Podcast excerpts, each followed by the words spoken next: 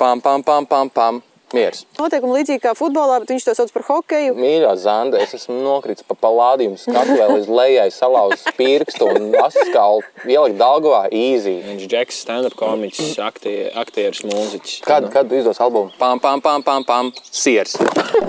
es iegribu zemē. Yes, yes. Vienkāršāk ir uh, padusmoties uz Lauru Reiniku. Šis ir līgo raidījums. Pam, pam, pam, pam, pam. Līgo! Bet, eh, tas ir, nu kā, bet tu...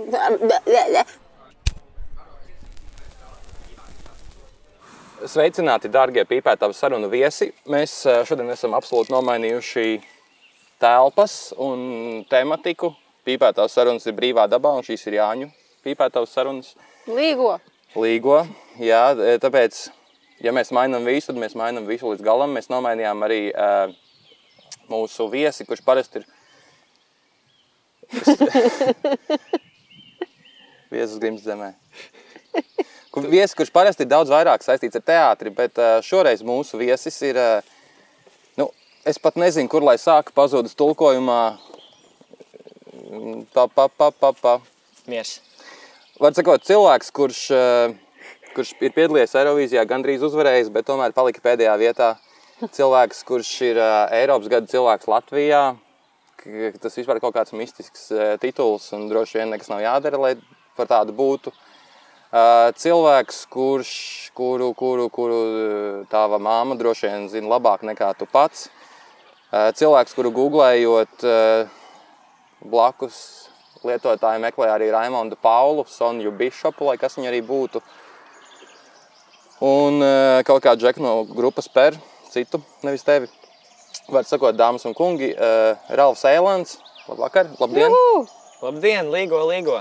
Bet es gribēju pateikt, ka visiem labi ir zināms, Gati, ka es esmu neuzvarētais Eirovīzijas čempions, jo kā gan citādi eh, konkurss 2014. gadā varēja notikt Rīgā. Labi, ka ir putnu balsis, kas aizpild šo neveiklo klusumu. Uh, tavs konteksts ar teātri. Uh, tu pašlaik uh, spēlē izrādi. Tu esi viens no ratiem, kas uh, pēdējā laikā ir spēlējuši izrādes. Uh, tad, kad tev gulēja, tev rakstīts Rāvs Eilants, dziedātājs. Meli. Uh, bet tu tikko uh, kopā ar savu kolēģi un draugu Kasparu Breidaku īstenoji pilotprojektu Hanzas Peronā 17. Jā, ārā.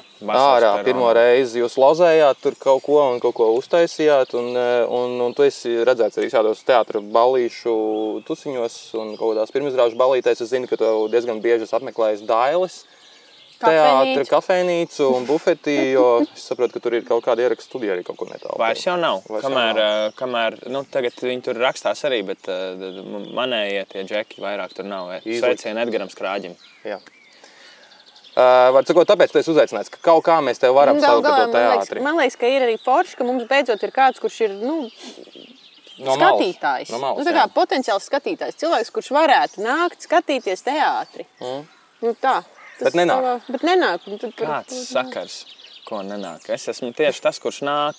Es esmu tas, kurš ā, nopelna naudu ar kultūru un pats arī tajā iztērē. Un Sākumā jāatzīst, Ja tu nopelni naudu ar kultūru, tad tā ir popkultūra droši vien. Tā ir Kultūra. pat- Mēs nopelnām naudu ar kultūru ar asu.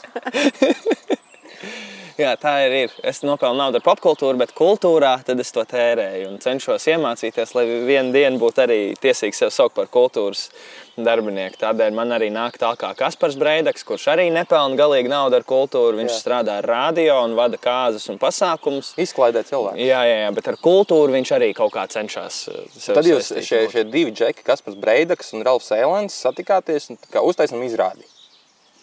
Uh, nē, tas bija nedaudz citādāk. Uh, bija... Pirms tu sāc šito, es gribēju paprasīt, Kaspars Breidaks pēc profesijas, kas viņš ir? Viņš Im- strādā rādio. Es teiktu, improvizators, Nav profesijas. Uh, un Ralfs Eilants, kas tu esi pēc profesijas? mūziķis. Mūziķis. Cik solo albumu tev ir? Uh, vēl neviens. Aha, cik ilgi tu jau esi mūziķis? Uh, kopš desmit gadu vecuma esmu uz lielās skatuves. Kopš sešu Kā gadu tev liekas, vecuma tev sanāk? Nu, ja jau tie cilvēki uz tiem pasākumiem nāk, Vēlreiz, viņi cik albumu tev ir? Man liekas, ka viņam sanāk. Nē, nē, Nē, es tik jā. tas ir briesmīgi. Šausmas. Nē, es vienkārši domāju, vai es varu būt aktieris, ja es neesmu noklājis no viena izrādi. Bet Nu, es jau bet dzied esmu spēlējis. Koncerts, koncerts kā viena dziesma. Kādu Bet- vienu bet, dziesmu? nu, Koncertā tev vajag programmu. Koncerts kā Programmas- viena aina ir. Man nav ko teikt. Tev izrādē taču arī neapstājās vispār pirmās ainas. Nu, nu, jā, nu, jā, tas ir. Kā viena aina. Albums ir kā izrāde. Man liekas, tur sačakarējies kaut ko. Pastāstīs bišķiņ par to, ko jūs ar to brēdaku Jā, jā, labi jā. darījāt, bet tā, atpakaļ. bet drusīm pastāst arī nu, cilvēkiem, kur neko par to nezināja, nedzirdēja, nenojauta, kas tas bija un tad kāpēc un tā. Jā, mums ar Kasparu Brēdaku tā mūsu tikšanās vispār sākās, ka Ieva Florence īstenībā arī ar teātri mēs esam saistīti. Čau, Ieva, jau otrais raidījums vai trešais, vai jau es nezinu, kurais, kuru mēs tev pieminam. Jā, viņa, viņa taisīja pie sevis, nu, tā kā nebija pandēmija, viņa taisīja pie sevis tādas ballītes, mīlas buduāra ballītes, un tur sauc visdažādākos cilvēkus. Tur aktierus, tur improvizatorus, sportistus, arī popkultūras, jā, mani pārstāvis. Un, un tad, lai viņi visi satiekās un veidojās tur kaut kāda savstarpēja miedarbība. Tikpat labi var pajautāt, Gat, vai tu esi aktieris, ja tu neesi bijis Ievas Florence. Es neesmu Rīgas aktieris. Jā, mīlas buduārā bijis. Jā. Tur mums no citām pilsētām arī brauc. Bet, nu, labi, ievilkšu tevi, Jā, ievilkšu labi, iekšā nākamreiz. Un uh, tad es kaut kā ballītē vienā brīdī izdomāju, ka, nu, vajag pieiet pie Kaspara. Man viņš šķiet interesants džeks, nezinu, kāpēc tieši tajā brīdī. Un jāpasaka, ka mums ir nepieciešama stunda nedēļā. Uh, izklausās pēc viegla flirta. Viegls flirts tas arī bija. Uh, viņš prasīja, kas tas tāds. Es teicu, nu kā, paplašinam, uh, jā, papla- paplašinam savu redzesloku. Uh, tiekamies vienu stundu nedēļā, tu iemāci kaut ko man, es iemācīšu kaut ko tev. Uh, Sākumā mē, mēs tā arī satikāmies, tā arī bija. viens otram kaut ko mācījām. Pēc tam mēs sākām spēlēt vienkārši hokeju uh, uz, uz, uz Playstation. Un uh, tad tā mūsu draudzība vainagojās, un uh, radās jauni ziedi un viss kaut kas, ka mēs sākām viens otru izaicināt. Uh, ir kabarē izrāde, uh, kurā es piedalījos piecus gadus. Vo. Nu, tā ir vispār liela skatuve. Nu, tā ir. Tas ir vienkārši magnifiko. Uh, pasākums, kurā es kā mūziķis varu visdažādākos žanros vienā vakarā pabūt ar kaut kādām septiņām dziesmām. Un Kaspars ir atnācis ar SVH uz to izrādi, un viņš man nosūta īziņu 50 eiro, ja uz skatuves pateiks vārdu treideksnis. Un, uh, mums tur nav dziesmu latviešu valodā vispār. Mums ir angliski, spāniski, franču valodā, tur itāļu, nu, viss kaut kāds mi- mikslis. Krievu 50 valodā. eiro, 50 eiro. Bet 50 eiro ir 50 eiro. Un es uznācu uz skatuves, un pirms tam nosūtīju viņam īziņu. Nākamais gabals manējais, klausies. Un, uh, man bija jāizpilda Andersona pāka viena repa dziesma, Till It's Over. Un es tur skaitu, skaitu, un starpspēlē saku, trade deksnis boy. un vesels trīs reizes. Beigās brīdis man iedeva 50 eiro. Bet eh, tas jau tā nevar apstāties, jo es taču negribu, lai, lai viņš ir to savu naudu iztērējis. Man kaut kā viņam jādod atpakaļ. Un tad es viņam arī tur saku, lai viņš rādio ēterā kaut ko pasakā, tad būs 50 eiro. Un tad Kaspars domā, ka nu, tagad mēs esam pa nulēm. Tad ir jāpasaka viņam, ka, uh, lai es kaut ko supernovas tiešraidē pasaku un dabūšu 50 eiro. Un tā tas iet turpu šurpu. Uh, līdz vienai dienai, tāpatās kā izdomāju, pa stundu nedēļā, es viņam pasaku, hei, klausies! Nu, šitā tā mūsu draudzība ir pavilkusies. Mums pat sāka kaut kādas reklāmas aģentūras rakstīt, zvanīt, eh, lai mēs eh, savas challenge idejas eh, uztaisām zem viņu produktu. Um, To, tā kā mēs neesam darījuši, eh, bet eh, sapratām, mēs varam to izdarīt mūsu izrādē. Nu, tas ir tāds draudzīgs pavilciens, varam challengeot viens otru izrādē. Un eh, tad mēs sākām vēl bļaut virsū uz dūlo dažādiem cilvēkiem, gan pazīstamiem, gan nepazīstamiem. Es tevi mīlu un to filmēt.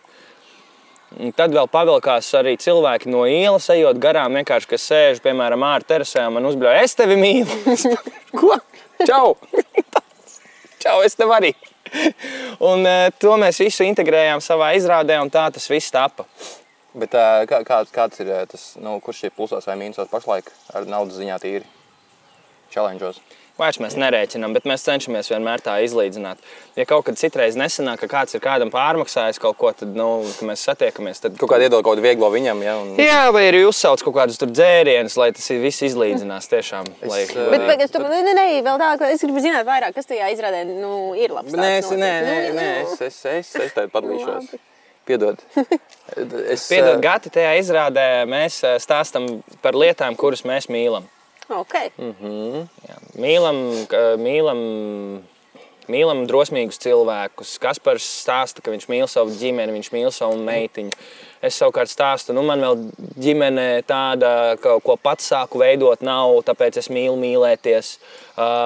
Mīlam nejaušas satikšanās, mīlam mīlam iziešanas no dažādām situācijām, mīlam pasmieties par sevi un mīlam pasmieties arī par citiem. Forši. Bet uh, tas ir uzrakstīts gabals, vai jūs improvizējat?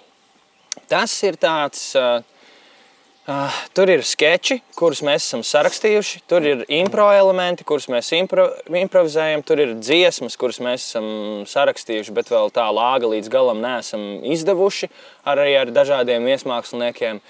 Un, uh, jā, un tad tāds stand-ups no katra ik pa laikam par kaut kādām situācijām pastāstam. Un tā mūsu ideja ir tāda, ka mm, dienas beigās cilvēkam jāsaprot, ka tu vari pateikt, es tevi mīlu biežāk. Eh, Nu, cits teiks, ka ar tiem vārdiem nav jāmētājās, bet reizēm viņš ar tādu filozofiju tur savam partnerim to arī nekad nepateiks. Nu, tikai dzimšanas dienā vai jaunajā gadā. Mm. Un varbūt vispār nekad nepateiks, un tad atnāks kaulainā vienreiz pie durvīm. Un, nu, un tu būsi kaut ko nožēlojis. Tev nevajag kautrēties pateikt saviem draugiem, mīļotajiem. Nu, kādai pārdevējai, ja viņi tev piemiedz ar aci un nu, iedod atlaidi, nu, nu, mīlu, kā tu dari savu darbu. Paldies! Ne tevi, bet Ai, to, kā tu dari savu darbu. Tevi arī! Jā. Tas. Ne par tiem challengeiem runājot, es uh, reiz biju Jēkabīlī un uh, mans opaps, uh, vectēvs, spēlēja ar Džiliju šahu. Un, uh, viņi abi ir tādi nu, visai spēcīgi šahā. viņi spēlēja, lai padarītu to visu interesantāku, viņi sāk spēlēt uz naudu, ātras spēles. Un, eh, un tur ir kaut kāds ģimenes tusiņš, un viņi spēlē. Un kā Džils uz, uzvinēja vienu partiju, kā 100 lati mīnusā.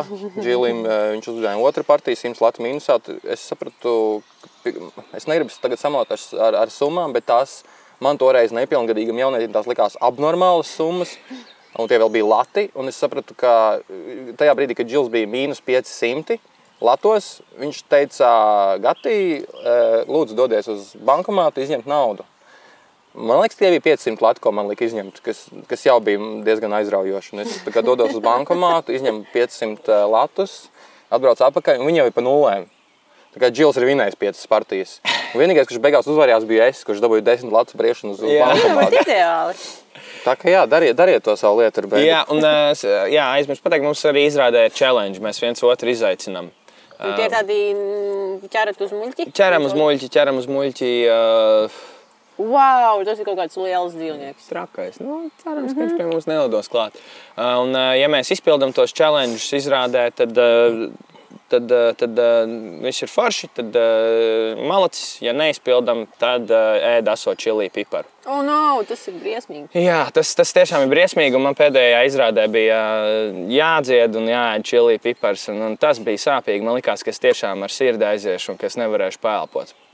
Bet uh, miera laikos, uh, kur, uh, kur, kur nav pandēmija un iedalījums, un daudz mazāk cilvēki, kuri var ie, ie, ie- ierasties un saprotiet uzreiz, ka tas izrādes, tas tā kasa ir mazāka, uh, nu, lielāka miera laikos. Ja, tad tur mēs vēl ejam nākamajā līmenī. Ja tu izpildi challenge, tad uh, t- tie, tie, tie, cik tur eiro otrs soli iedot, tad tie iet klāt.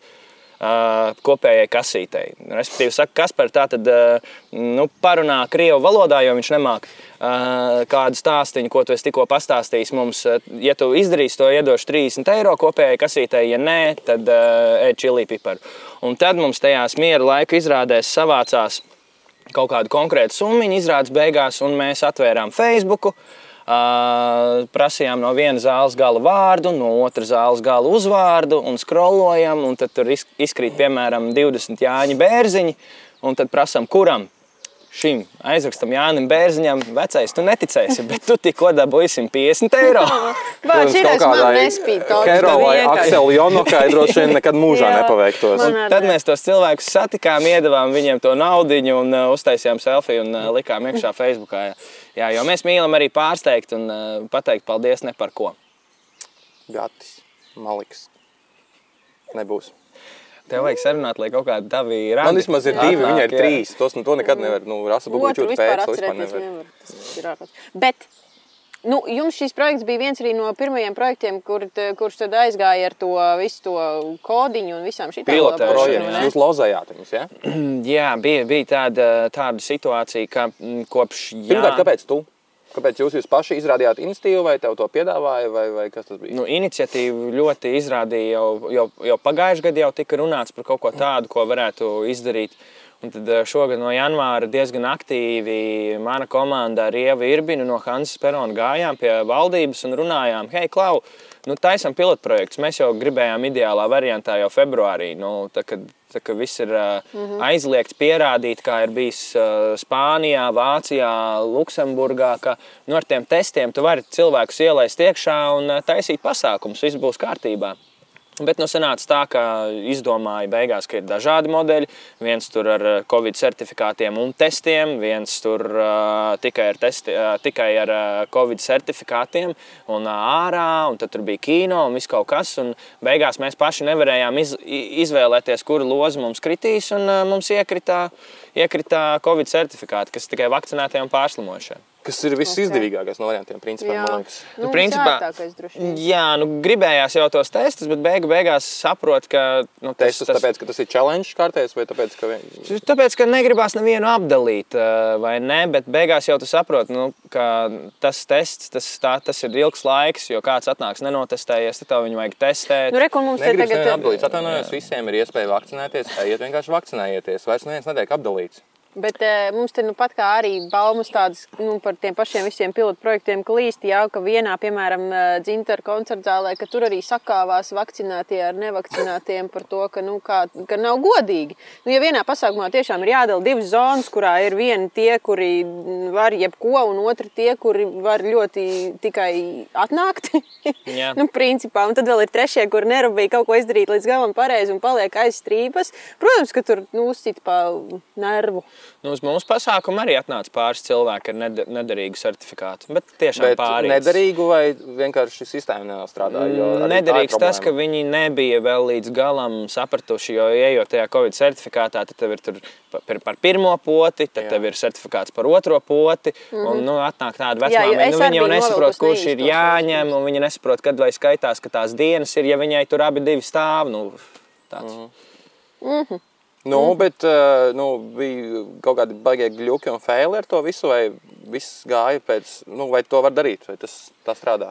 Vispār nebija nekādu gļuki. Ja, ja nāk tikai ar Covid certifikātiem, tas notiek ātri. Cik no... cilvēkiem tur bija?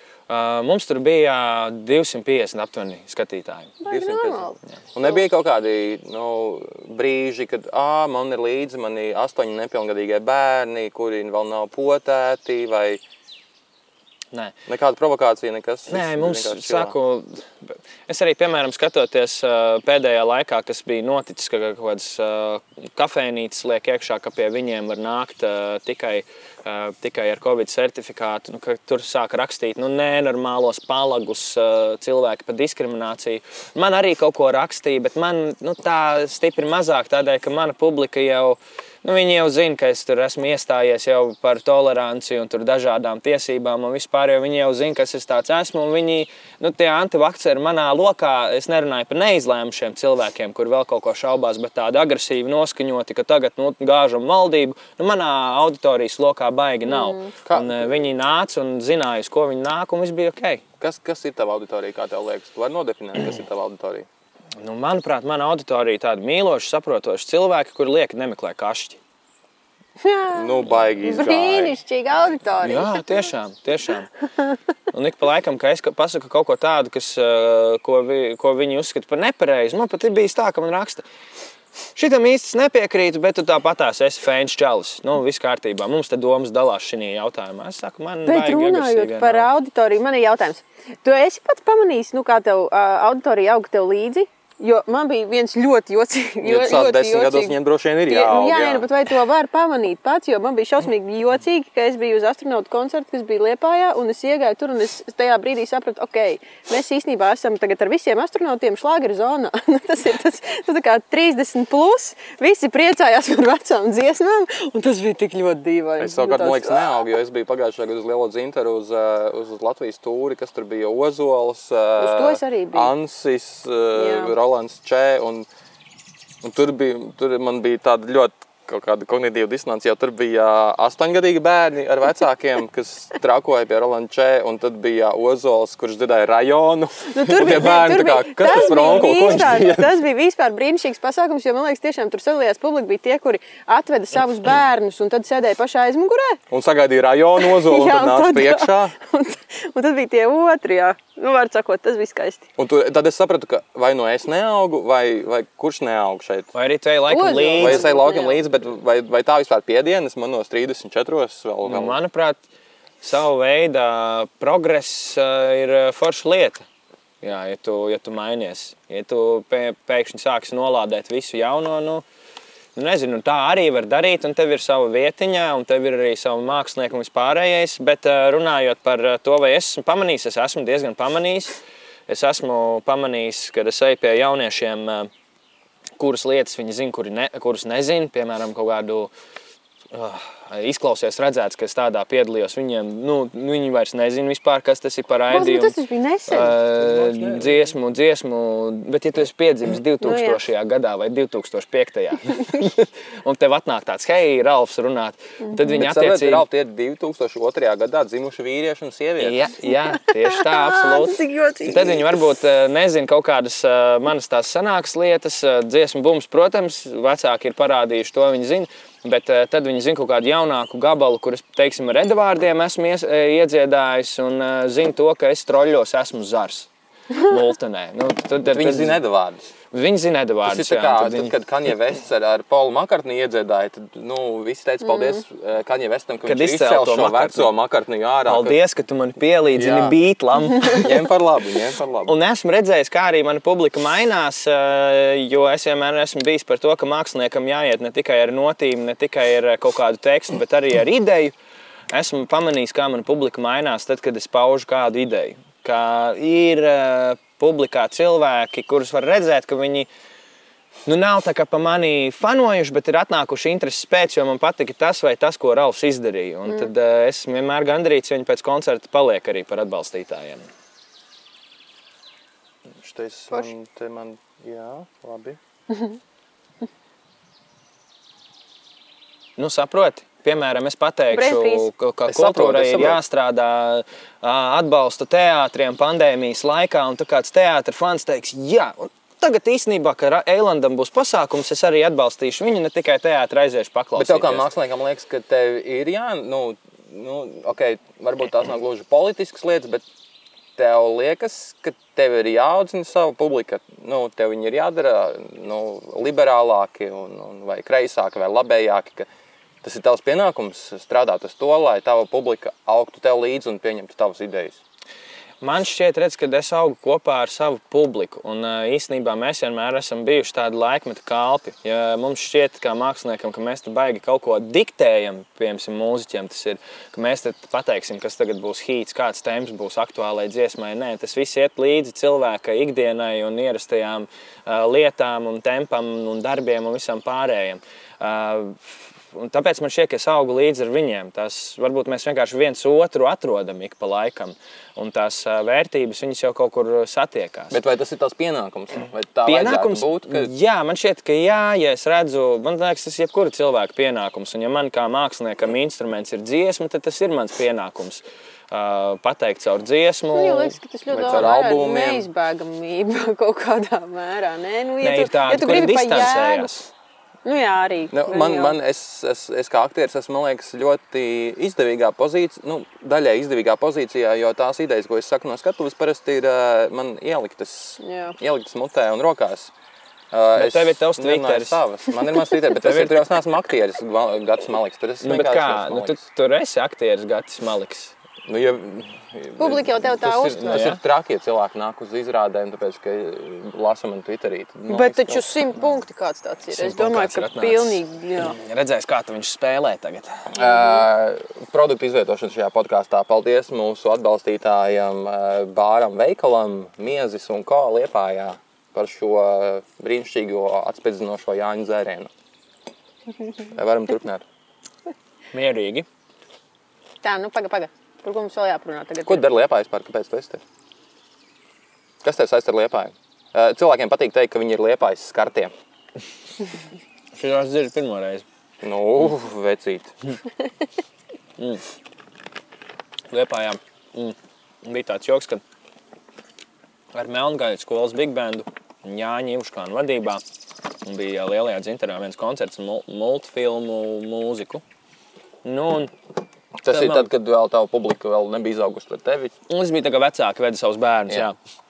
Un, uh, tad, uh, tad man nācās braukt uz Liepāju, lai pamēģinātu ar viņiem, jo nevar visu orķestris braukt uz ne? Un, uh, tad braucu, padzīvoju kādu nedēļu. Godīgi sakot, pirms tam man Liepāja asociējās vairāk ar beach partiju un visu to sajūtu, kas ir ap to. Un, uh, tad pēc sava mēģinājuma sanāca satikties ar uh, Lienu Grāvu, Lauru Grozu, Čiveri un uh, Gati Maliku darbnīcā, jo arī viņiem bija beidzies mēģinājums. Un tad Gatis teica, hei, hei, hei, Liepāja galīgi nav tāda, kādu tu to tagad uztver. Dievs, esmu izdarījis kaut ko labu Jā. savā Jā, dzīvē. Un sāka man stāstīt un rādīt uh, dažādas vietas, un tās nedēļas laikā man Liepāja ļoti iepatikās. un Tad vēl pieslēdzās mana mamma, kur teica, kas tu duraks. Es taču visu laiku teicu, ka Liepāja ir forša, un mums taču te ir radi. Bet kurš klausās mammā? Bet kurš klausās mamās? Nu, jā, tu pats skrieni ar, ar pieru tenī priedē līdz atduries un saproti, ka nu, nav viss tā, kā tu domā. Tad mēs sākām ar vien vairāk braukt uz Liepāju. Iepatikās arī strādāt ar ā, Jāni Vuškānu kopā. Iepatikās tēm dažādas vietiņas, kur aiziet pāriest, pasēdēt, cilvēkus ar vien vairāk satikt. Un tad atnāca pēc vairākiem pasākumiem, koncertiem un vienkārši atpūtām atnāca pandēmija. Un, uh, mēs ar ģimeni, mums, mums ir Covid jackpots ģimenē. Es esmu mūziķis, mana māma ir mana menedžere, un manam tētim ir skatuves skaņu un gaismu īres kompānija. Nu, tā kā pēkšņi visiem nav ko darīt vispār. Un tad uh, māma ierosināja tādu foršu lietu, nu, ka nu, nu, pavasarī, ja nav ko darīt, nu, nu, labāk ne, neko nedarīt kaut kur pie zaļumiem, nekā neko nedarīt Rīgā dzīvoklī. Un tad atradām vietiņu Bernātos, kur var noīrēt namiņu līdz oktobrim un tur dzīvoties. Un tā nu mēs tur dzīvojāmies. Jūs, esi vasarnieks. Reiz, šo sauc par vasarniekiem, ne? Nē, es atbrauc. ziemā arī braucu. Es Ai. ziemā arī Arī biju. ziemā Bet tas ir skaists vārds, vasarnieks. Tas ne... Es iegribu zemē. Yes! yes. Nofilmējāt. Va, šeit tev par vasarnieku viņa teica, bet tu dabūji. Tas par to, ka Gatis man vienkārši iedeva to uh, grimstošo soli un pats zemē. soliņu. Šī nav pirmā reize, kad es podkāstā iegribu zemē. Bet, Jā, mēs varam eh, taisīt kompilāciju. Es, jau, es, divi es iemanījos eh, nosēsties tā, lai es vairāk negrimstu. Nu, var sakot, un, eh, tad, Kur mēs palikām, jā? Tad pēc tā, pēc tā oktobra sapratām īstenībā, ka mēs arī gribam bernātos, lai mums ir uh, sava vieta, un uh, mums tagad tur ir zeme. Ak, forši. Jā, tagad mums Jūs tur ir zeme. teltīm vai? Nu, zemē mēs, ja gribam, tad ar teltīm, jo mājas vēl nav, bet mēs īrējam tagad vienu citu namiņu, kurā mēs paliekam arī šovasar, un tad ik pa laikam braukā, braukāsimies uz Liepāju. Jā. Gan pastrādāt, gan atpūsties. Jā, Bet redz, visi, apstājušies. baigi iegāzās pandēmija, bet jūs ņēmāt un zemi vēl nopirkāt. Jau tik sūdīgi tiem. Bet, ap citu, iet baigi, neiet. baigi šitās te visas pārdošanas, baigi iet uz urā. Visi Lietuviešiem. Jā, pie Rucavas esat jau lietojuši veikalu. Paldies, Un Kā Rasi. jūs par to jūtaties? Es nezinu, es, es, es līdz Rucavai reti aizbraucu. Man Liepājā Ideāli. pagaidām vēl ir ok. Sanāk arī lietuvieši brauc līdz, līdz Ventspilī, bet tad kaut kas notika un viņi apstājās jau Liepājā. Tagad Liepājā ir, nu, vasarās ir lietuviešu uz, uzbrukums, viņi kā siseņi. Jā. Drīz mums būs divu valodu. Lietuvieši, nice, viss, viss kārtībā. Tiešā. Caur brīlēm redzu, ka tu uz mani skaties, bet uh, ar lietuviešiem viss kārtībā. Jā, man šķiet forši. Mums, starp citu, pēc Līgo brauc viens lietuvietis tieši arī domāt kopēju projektu. Nē, Pasveicīgi. Tā kā mēs no arī velkam neizbēgs. viņus iekšā. Jā, tālāk, tā es te esmu Liepājā. Nu, Bet, vēl- eh, bet, eh, bet, bet, bet tā ir tāda, tāda, tāda dzīves puse, bet arī radošā puse. Tu esi diezgan sasaistījies te ar visiem. un Tā. Jā, ar Liepāju mūziku esmu sasaistījies. Un, un, un, uh, ko tik es ar viņiem neesmu darījis un darīšu vēl tālāk. Mums ar uh, Gati arī uh, lielisks projekts bija Latvijas skolas Somai, ko mēs sākumā plānojām klātienē, bet tad pandēmija piegrieza vēl vairāk uh, tos ierobežojumus, ko mums nācās uztaisīt online. Uh, par ko es sākumā tā bažījos, jo, jo visi tie zūmi jau vienā brīdī cilvēkiem ir līdz vienai vietai. Bet beigās, manuprāt, sanāca forša forš izrāde no Veidenbauma neaizbēgs. Uh, un, un, un, un no skolēniem un pedagogiem arī ir labas atsauksmes. Gatis arī tur ir labs, ticiet man vai nē. Neko daudz, bet uh, ir. Jā. Neko daudz, bet ir. Un, uh, un, un pa- pats interesantākais īstenībā ar Liepāju man uh, ir viens stāsts saistībā ar kabarē. Uh, Man bija pēdējais kabarē 30. decembrī. Un, uh, tur gadījās tā, ka es uh, pēc izrādes uh, tajā visā tusikā, banketā, ka backstage'ā pa lādījumu Rīga koncerta zālē tur nenormāli garas kāpnes uz pīpētavu un īsti lampiņa nav. Un es tur kaut ko e- eju no tās pīpētavas lejā, kaut ko runājos, atskatos un dibenu vienkārši pa priekšu nokrīt pa visām tām kāpnēm. Ar roku centos apstādināt, un sašķaidīju arī roku. Vienkārši tā rezultātā nokrīt tur lejā, meitenes tur kliedz, bļaustās, raud, nes man šnabi lej virsū uz tām šķembām un visu. Saka, ka jābrauc uz traumām. Es saku, nē, es vēl gribu palikt šeit ar jums. Es palieku nedaudz ar uh, pārējiem, tad jau tur iet uz beigām, aizbraucu mājās. Nākamajā dienā pamostos, domāju, ej, pie doktora neiešu, nu taču liepājā iebraukšu slimnīcā, viss kārtībā. Tur uh, mani ved uz to slimnīcu, nu, es saku, nu, nu, gan jau nav lausts, nav tik traki piepampis. Un uh, doktors saķer galvu, saka, nu kā, nu tevi gan lausts mazais pirkstiņš, un gan jau būs mikroķirurģija un astes kauls arī lausts. Un, uh, man 31. liepājā ir tieši pirms uguņošanas jāuzstājās. Labi, ka tu esi dziedātājs, nevis uh, pianists. Piemēram. Sēdētājs, jā. Sēdētājs. Jā, un tā es stāvēju kājās ar ģipsi šitādu te un, un dziedāju, dejoju, izklaidējos. Bet es saku, salauztās tas kaulu es nevienam neiesaku, jo nu, Bet tā tikai guļus uz vēdera. uz sāniņa un apsēsties nevar īsti. Es sēdēju tā, ka beņķim paš, uz paša, paša galiņa. Un tad arī vairāk tu saproti, vai ar kājām tu turies, vai pret dibenu atstutējies. Wow. Nu, kamēr vienkārši sadzīst. Nu, bet mikroķirurģija nebija jātaisa man kaut kā. Bet vai Normāli tas vairs nebūs nekad. Diez vai es biju paredzēts vispār tāds. Tev ir vispār kaut kāda muzikāla izglītība nopietna. Uh, man ir tikai privāti, tā teikt, uh, praksē uh, un pašmācības ceļā. Mm -hmm. Uldis Rudaks ir teicis, ka esmu tīradnis. Tāpēc. Jo pats vienkārši pats, pats, pats gāju pie skolotājiem. Uh, man uh, vokālā pedagoģijas ilgāko laiku bija uh, Nījola Berezina. Aprīļa pilieni, ja? Aprīļa pilieni, jā, tieši tā. Pēc tam, es, pēc tam viņa man teica, ka viņa visu, ko var iemācīt, man ir iemācījusi. Tālāk man jāmācās pašam. Tad es braukāju tur uz visādām meistarklasēm, pamācījos. Joprojām, ja kaut ko jaunu gribu apgūt, tad mācos to no interneta. ne tad eju pie Breidaka, jā.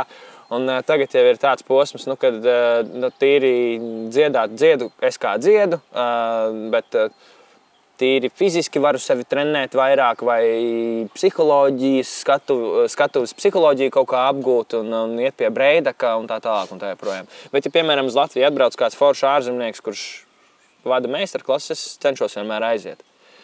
Vai arī ārzemēs ir tāda iespēja aiziet pie kāda. Nu, mēs esam ļoti tuvu ārzemēm, tāpat Lietuva ir.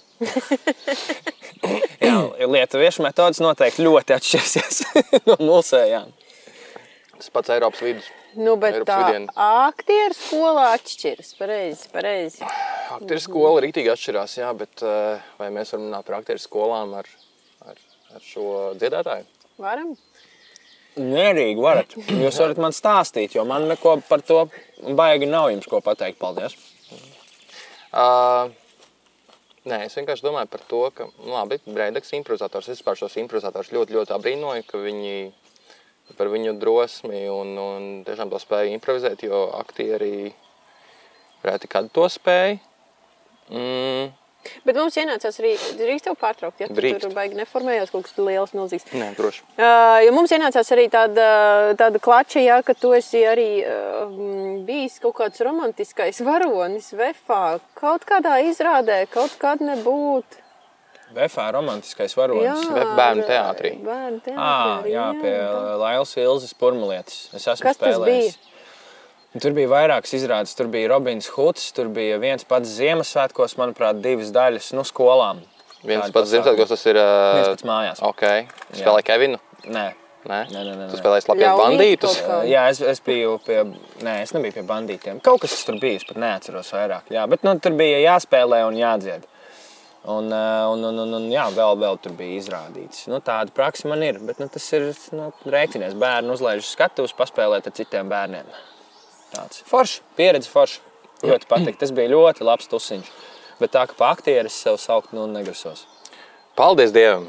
Paldies Dievam! jo, ja tu sauktu, mēs, mēs sastrīdētos droši vien. Dziedātāji drīkst spēlēt izrādes, bet, ja viņi nesauc sevi par aktieriem, tad, tad es to akceptēju.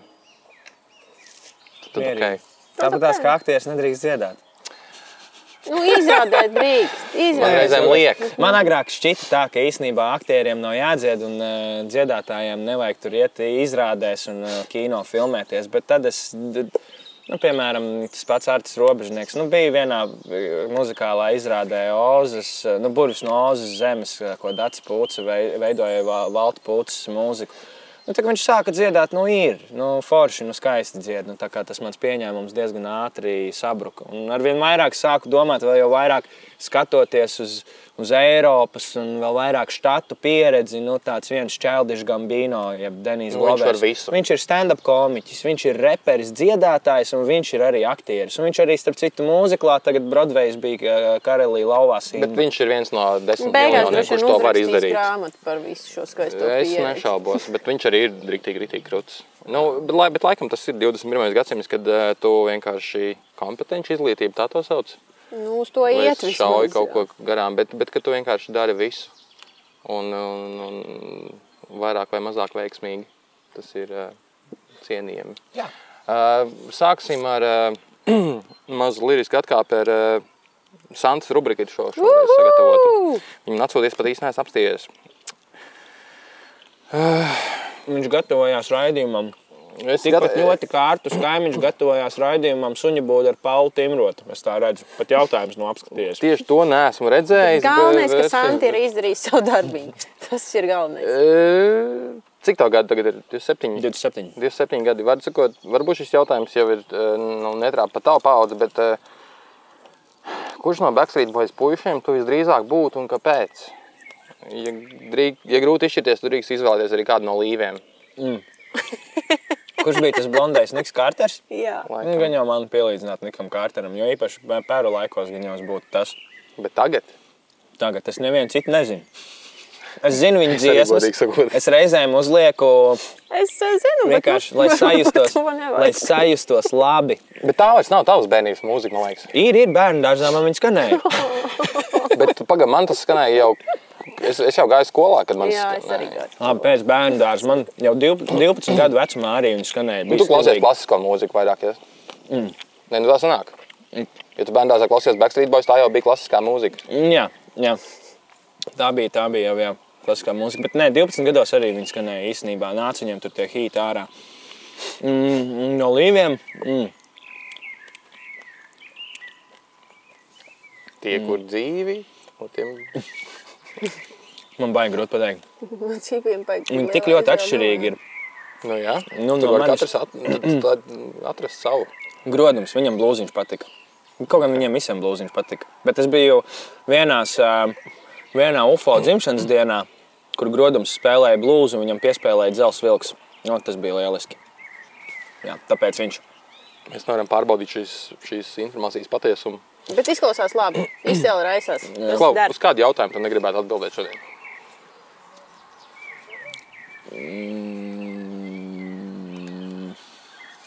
Kādi jautājumi? Es nekad nerunāju par savām attiecībām, baigi. Es runāju pagātnes formā, ko esmu darījis un uh, ko esmu nedarījis, bet par uh, to, kā man ir tagad, to es ne, nekad īsti nerunāju. Un, uh, tāpat tās, kā es nelaidīšu nekad nevienu šovu filmēt uh, savu dzīves vietu, vienalga, vai kā es tā izēst, vai ko es negribu. Tā ir mana privātā telpa, un tur es nevēlos nevienu laist. Varbūt tad, kad apprecēšos, tad būs citādi. Iekavās bija rakstīts, un tagad atbild lūdzu, bet laikam jau ka nebūs. Ah, tagad atbildi, lūdzu. Uh, nu jā, nebūs. Skaidrs, tā jau likās. Ok, ok. Un uh, tu atstāji hiperaktīva puiša iespaidu. Droši vien dzīvē daudz dažādu lomu esi pamēģinājis. Kas tu īstenībā gribētu būt, ja varētu būt jebkas? Ja varētu būt jebkas profesijas ziņā, nedziedātājs, tad es būtu rakstnieks. Jo man patīk arī rakstīt, un diezgan daudz esmu rakstījis arī mūsu Mēs jūs mīlam. Breideks kā Es tādu sev saucu par rakstnieku, jo tad iebildīs rasa droši vien. Nē, ok. Nē, nu man tas Es būtu, protams, jāattīsta ne- tas talants. Man tas būtu jāattīsta, tas talants. Un, un, un, un arī kaut kādas, piemēram, tam pašam zelta mikrofonam, nu, jokus es esmu piespēlējis gan Breidekam, gan Daugulim. Un, un rakstīņus esmu rakstījis dažādus. Un, nu, es domāju, ka es varētu piesaisties un, un to darīt. Uh, bet kāds tēls, es varētu būt? Niks Kārters. Niks Kārtas Backstreet Boys. Jā. Ko es varētu spēlēt? Nu, Zinu, kā varētu spēlēt to, ko es vislabāk zinu. Uh, Es varētu spēlēt mūziķu kādā filmā, tā kā Stā- A Star is Born, Bredlijs Coopers. Skatoties to filmu, nu, patīk uh, tā filma vai nē, nav svarīgi. Bet, skatoties to filmu, es sapratu, ka viņš nu, simt punkti ir tusējis ar mūziķiem. Simt Tas droši vien Viņam- viņam bija uzdevums, Tas- kas gatavojot bet- lomu. Jā, nu, bet, jā, mums jau visiem mums ir draugi no dažādām radošām sfērām. un Es varu iedomāties, ka iespējams pat nevienu, bet kaut kādus trīs prototipus viņš tur ir paņēmis no saviem čomiem un salicis kopā. Jo tur ir diezgan liela patiesība, ar kuru arī es pats esmu reizēm saskāries. Labi, runājot par draugiem no radošām sfērām un zelta mikrofonu. Uh, tu diezgan agresīvi, nu ne agresīvi, bet uh, pārmetoši izteicies pēc tam un atvainojies nozares vārdā. Es, droši vien tas ir izrunāts jau desmit reizes, bet uh, nu, un dabūju kaut ko pretī bišķiņu un dabūju arī kaut kādus atbalstošus uh, viedokļus, kas, kas tur kā tur Īstenībā ir. daudzas reizes tas nav izrunāts. Man vairāk, eh, man vairāk sūtīja draugi Vācijā kaut kādas ziņas, ka kaut kāda tīņi man uh, brauc augumā Twitterī. Bet nu, es tā kā nelasu, ko man raksta kāds. Kaut kā tīņi, un, uh, ko es iegūlēju Māra Upmana Holsteina un uh, Agnes Rakovska. Jā, jā Tas bija tevī vīlušā. Tas ir, tas, ir, tas esot bijis arī žurnālā. Bet, uh, jā, žurnāls man paprasīja. Uh, Tas jau ir daudz. Tas ir, tas ir daudz paprasīja, kā tad ir, kāpēc tā.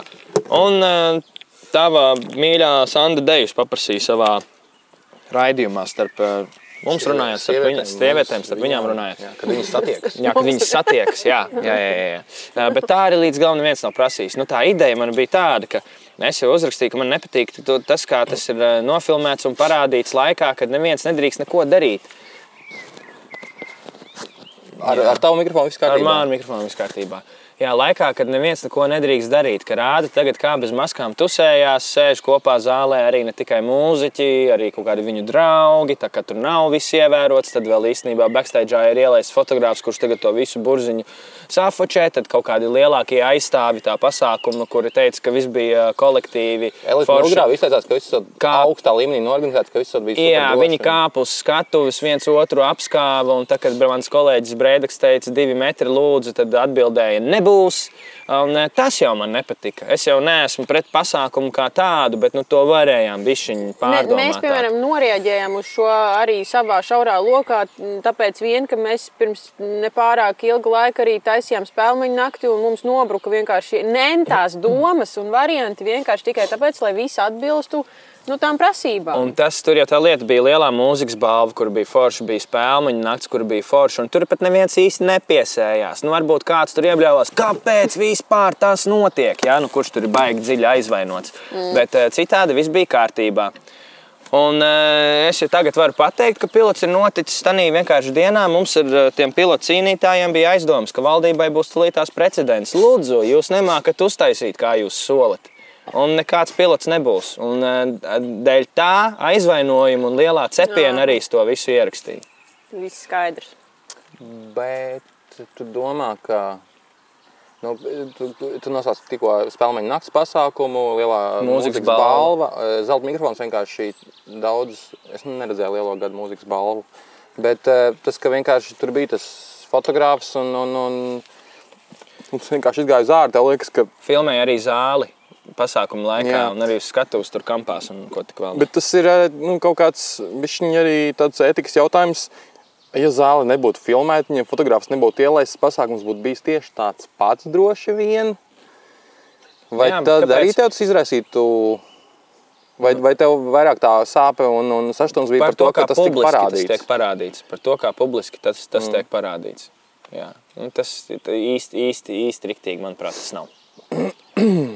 Nu, jā. ķeramies klāt pie Instagram jautājumiem, jo tu repostoji mūsu Tu Instagram. vēlētos ķerties klāt arī pie kādas desiņas? Droši aiztiec desiņas, es tam pieslēgšos. Ah, jā, re, kur Šis jau na, droši aizpēc desiņas atgādināja Kariņu. Rādam viens otram savas olas. Vai man vajadzēs stundu nedēļā ar tevi? Tev gati. Eh, Man nē. Uh, Nu, tu vari gan jau tas anonīms Te jautājums. mums ir jautājums eh, no Randolfa Kangrēna. Vai viņam vajadzēs stundu nedēļā ar mani? Nē, kuri Latvijā ir talantīgi dziedātāji un kāpēc tu neesi tajā sarakstā?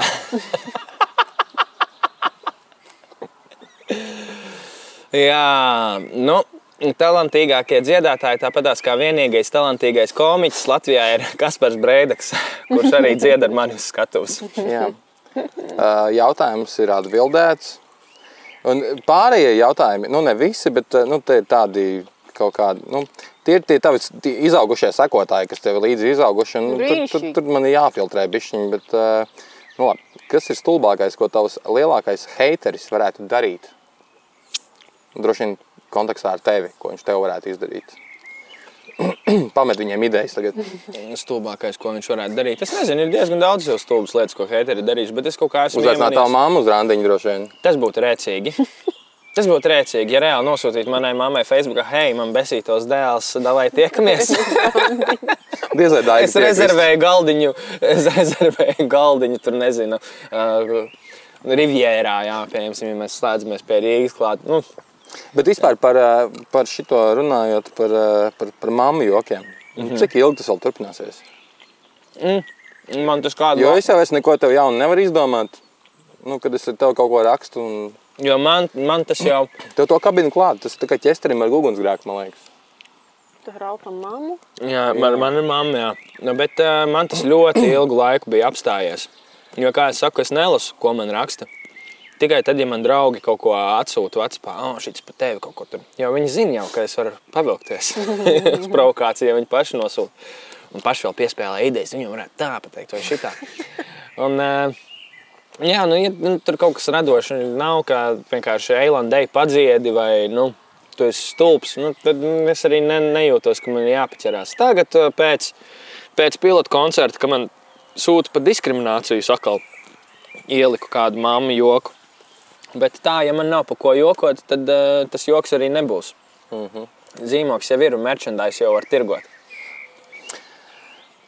Te ir jautājums no kādas dāmas, ā, ko darīja otrdienas vakarā. Es nezinu, ko tas nozīmē. Varbūt tev nav jāatbild uz šo jautājumu. Brauc uz uh, bērnātiem svinēt līgo. Nē, ko tu darīji otrdienas vakarā? Vai tu jau brauc otrdienas līdzi? Līgo ir 17. Kas šodien jūnijas. pa dienu? Piektdiena, Ceturtdiena. Es nezinu, ko es darīju otrdienas vakarā. Jā, ja Ralfs nezina, ko darīja otrdienas vakarā. Nē, ko, tu, ko viņš darīja. Ko tu gribi pa īstam sasniegt? Man ir vairāki mērķi nosprausti. Ar viņiem tā baigi. Man liekas, plātīties nevar. Bet es gribu pēc iespējas ātrāk tos mērķus sasniegt, lai pēc iespējas ātrāk varu nedarīt neko. Nu, beidz, tad būs nākamie mērķi. Bet tu neesi cilvēks, kurš nedara neko. man liekas. Man arī tāda aizdoma. Jā, bet man gribās nu, dzīvot tā, ka es varu vienkārši čilot. Man tiešām patīk atpūsties un iečilot ar saviem draugiem. Jā, tas ir, tas ir forši. Un, pat, nu, teiksim, tā, lai es varu darīt pēc iespējas retāk. Tas, tas ir forši. Man taču patīk tas sēdēt saulītē, uzēst desiņu, iedzert tāliņu. Okay, te, ā, ko tu īsti, pa īstam gribi dzīvē sasniegt? Es desiņu. Nē, no albums tā kā būtu. Man, jā, jā, Būs tas albums. Ba- Būs man albums. Man tagad nākamais singls arī. teici arī pirms desmit gadiem droši Es to vien. teicu arī pirms desmit gadiem. Bet ā, kāpēc tu arī tādu, kā tu būtu tik viegli izdarīt? Nu kā, uztaisīt uzrakst dziesmas un izlaid albumu. Jā, Var jau un tad atnāk Covid, ka tu ar grupu nevari satikties uh, studijā. Es zinu, ka Tad citi, zumā iedziediet, kur jā, problēma. es zinu, ka citi mūziķi bija arī, kas man brauca, tā skaitā augumā par to zelta mikrofonu. Un tu pats neesi labais, bla, bla, bla, bla. Citi mūziķi tur studijā laida vienkārši orķestrus cauri Covid laikā. Nu, es, ne, es tā nedarīju, man bija bail. Nu, es biju arī godīgi sakot, pandēmijas sākumā nobijies, nu, kad nu, nevajadzētu tikties. Tas vīrus platās pie tiem desmit saslimušajiem dienā, sākumā, ka mēs nezinājām. tas ir. Mazs skaidrs, mēs nenormāli stresojām. Nu, es biju tā Bet tas stress pazuda. Tas bailes pazuda. Un tad tu vienkārši saprati, ka tas ir jādara nu, principiāli. Un tad tu sāki ievērot noteikumus principiāli. Es par sevi runāju. Un, eh, un tad arī tie principi vienā brīdī sāka brukt. Kad tu sajūti vienu fēlu, un otru fēlu, un trešo fēlu, un, Un tu tad, saproti, ka tad, un tad dabūjām ceturto, kas ir vakcīna. Un tad, man, jā, un tad tu vari, tu vari atgriezties pie dzīves puslīdz. Ok. Uh, te ir kolēģis tev no uh, Re Baltikas. Kas ir, uh, kas ir pipeļoku čats un kāpēc tāds ir izveidots? Es nemāku šķiet, kas tas atver. Pipeļoku čats ir čats, kurā mēs dalāmies WhatsApp ar dažādiem jokiem. Uh -huh. Uh, Es tur neesmu. tu tur neesi, jā. Uh, bet jā, tie, tie, tie joki tiek uh, sūtīti. Nu, ik pa laikam kāds man atsūta kādu joku, iemet pipeļoku čatā. un, Ot, uh, džeki un dāmas priecājās. Ah, tur arī dāmas ir. Protams. Jo pipeļoku čats, man liekas, parasti ir. Nu, Es domāju, dāmas arī ne, nepriecājās par pi, pi, pipeļokiem. Uh, parasti nē. Nu, ir dažas, kurām arī tādu patīk. Skaidrs, vai mēs esam atbildējuši šo jautājumu, es nezinu, bet, nu jā, labi, ok. Uh, o, vēl. Te ir viens tāds. Domā palasīt. Te ir, protams, arī kā iet tavai mammai. Manai mammai iet ļoti labi. Ui. Viņa šobrīd atpūšās. Bernātos. Jā. O, šis ir foršs. Vai ir kāda izrāde, kurai tu gribētu sarakstīt mūziku? Jā, Nu, nu pasties, savu, pat arī par teātri jautājumu. Nu, Kurai es gribētu, vai būtu gribējis? vai var uz abiem atbildēt, Jā. īstenībā. Ai, nu būtu gribējis es karalu lauvu sarakstīt. Tas ir man tāds, nu, Pagaid, tas tā ir ir filma? mūzikls. Tas ir Jā, mūzikls. tur nav tā pa Broadway to gabalu. Jā, es Londonā esmu bijis uz karalu lauvu trīs reizes. Man ļoti patīk. Uz Angliju, kad mēs braucām ar vecākiem pirms pandēmijas, mums bija tradīcija vienmēr aiziet arī uz kādu mūziklu. Jo tas līmenis ir fenomenāls.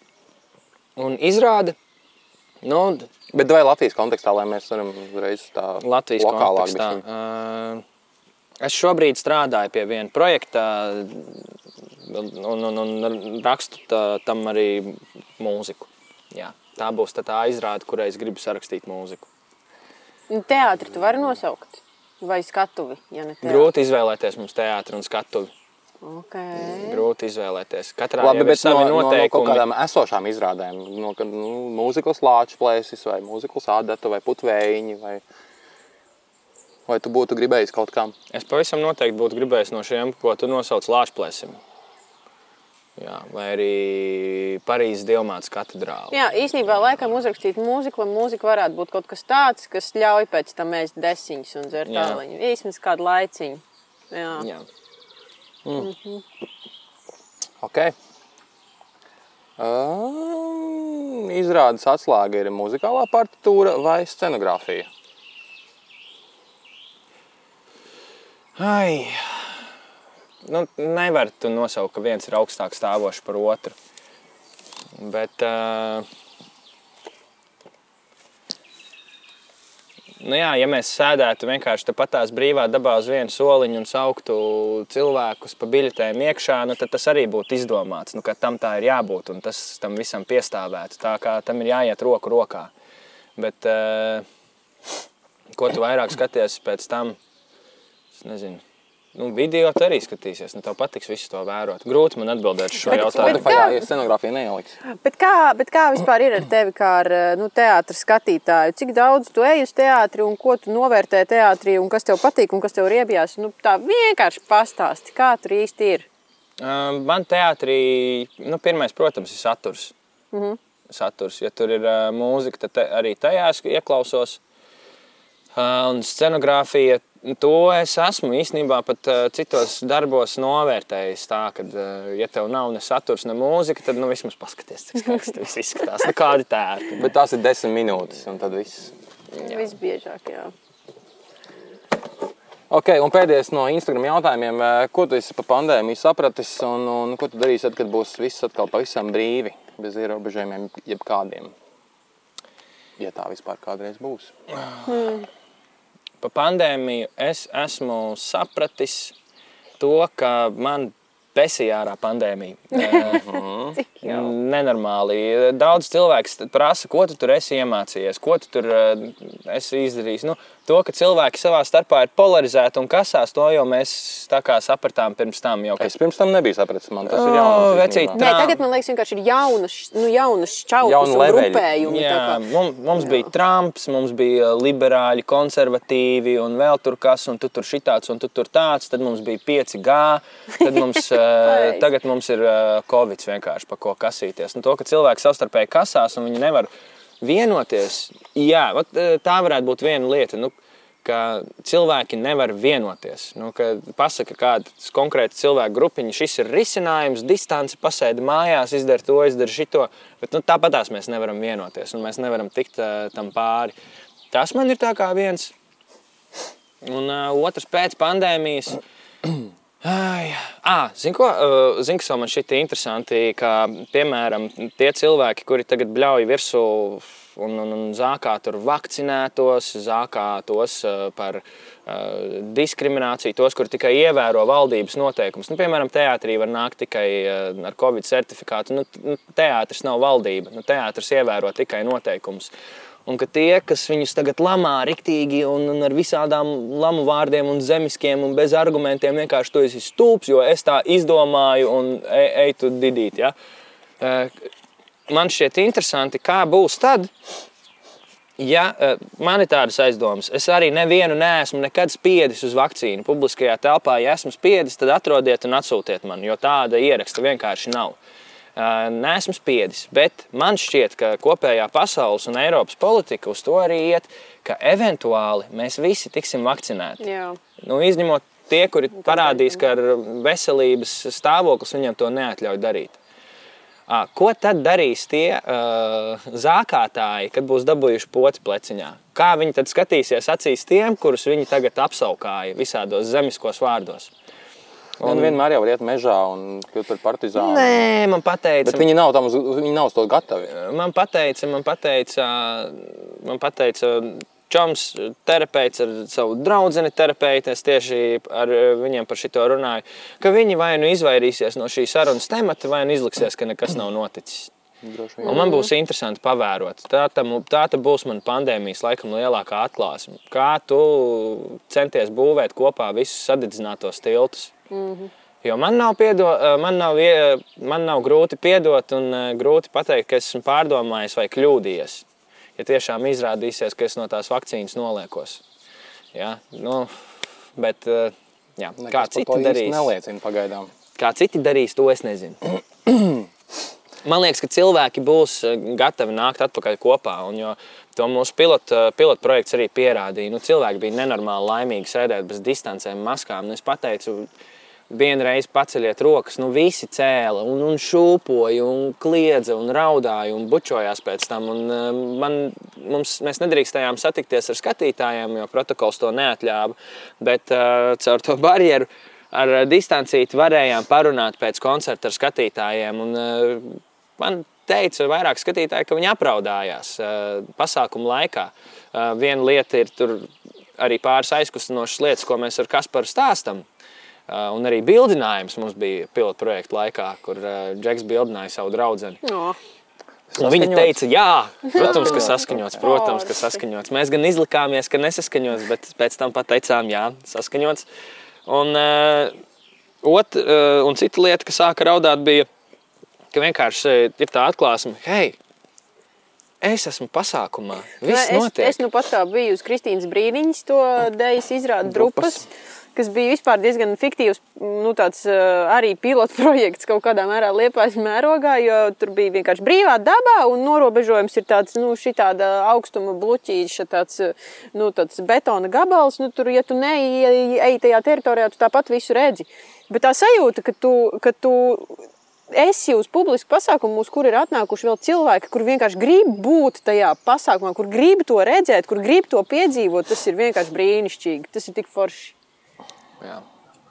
Mēs, un pandēmija ir pierādījusi, ka, ja, ja paudžu paudzēs jau mūsu, mūsu gēnos ir iekšā tas, ka mums vajag socializēties, tad nekāds ierobežojums to nevarēs vienkārši neliks mums darīt citādāk. Ka cilvēka saknē tas ir, cilvēka būtībā tas ir. Un to mēs redzam arī tad, kad nebija mīkstināti ierobežojumi, bet vienkārši bija silts laiks un cilvēki izgāja ārā un tusējās, it kā nekas nav noticis. Nu, to nevar salauzt. Tikai tad tas arī būs darbs. Paudžu, paudžu, paudzēs. Vienkārši tad kalti iekšā, ka tu nedrīksti tikties, tu nedrīksti socializēties. Bet nu, mēs esam bara dzīvnieki. Jā. Jā, tad Jā. mēs pie paudžu, paudžu paudzēm nenonāksim. Jā, ja tā. tieši tā. Uh, Maza pīpauze. Jē! Pauze. Jā, jā, jā. Kurši?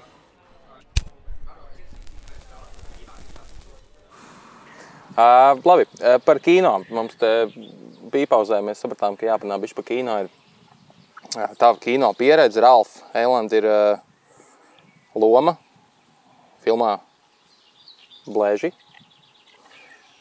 kas nāca pēc Andrēja filmas Swingeri. Svingeri. Swingeri riktīgi aizgāja.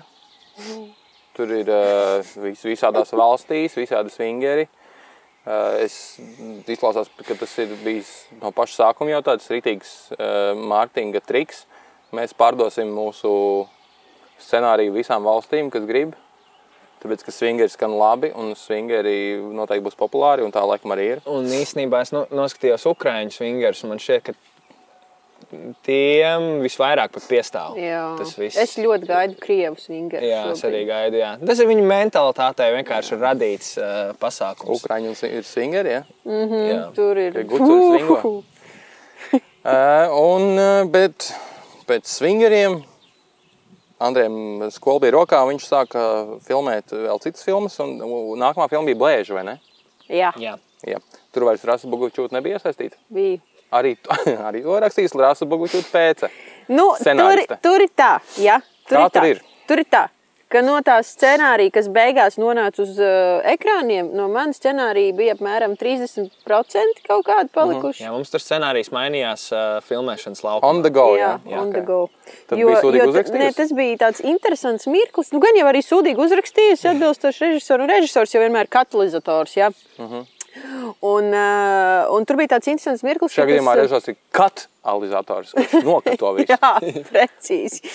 Un tur tā sagadījās, ka tajā pašā laikā bija arī Kriminālās ekscelences fonds. O, iznācis, kā tad, jums kad- nepaveicās, ne? Nu, jā, un Andrejs vienkārši sastinga tajā brīdī kaut kādā ļoti lielā mērā. un Tad viņš sāka to scenāriju ķepināt tā kā visādi dažādi, lai būtu inčīgāk. Un beigās eh, sanāca filma. Uh, un tur ir mūsu šīsdienas viesis uh, nofilmējies filmā Blēži. Yes. Kas tur bija? Vai uzrakstījis bija loma tieši tev? Vai? Es biju Artūrs Pelšs. Starp citu, man spēles. ļoti patika uh, dziesma. Oi, paldies! Filmas. Viņš dziedātājs ir, tāpēc varbūt. Jā. Jā, nu, jā, nu. Jā, es, es biju Artūrs Pelšs. Artūrs Pelšs, tāpēc, ka, uh, jā, acīm redzot, es nezinu, vai Rasa zināja vai nē, un mēs paši drīkstējām izvēlēties savus uh, personāžu vārdus. Vismaz es. Un, ne, man labākais draugs ir Artūrs Toms Plešs, šobrīdējais varam ministrs. Un tad es domāju, ka, lai nesačakarētu viņu Google vēsturi, ka ieraksta Arthurs Plešs un pēkšņi tur blēži lec ārā, ja, uh, tad uh, Arthurs Pelšs, un es viņu arī pasaucu pirmizrādi, viņš baigi nirdzi. Nu, tādu gājienu ier, ieraudzīju. Bet kā domā, kāpēc tev pasauc uz to filmu?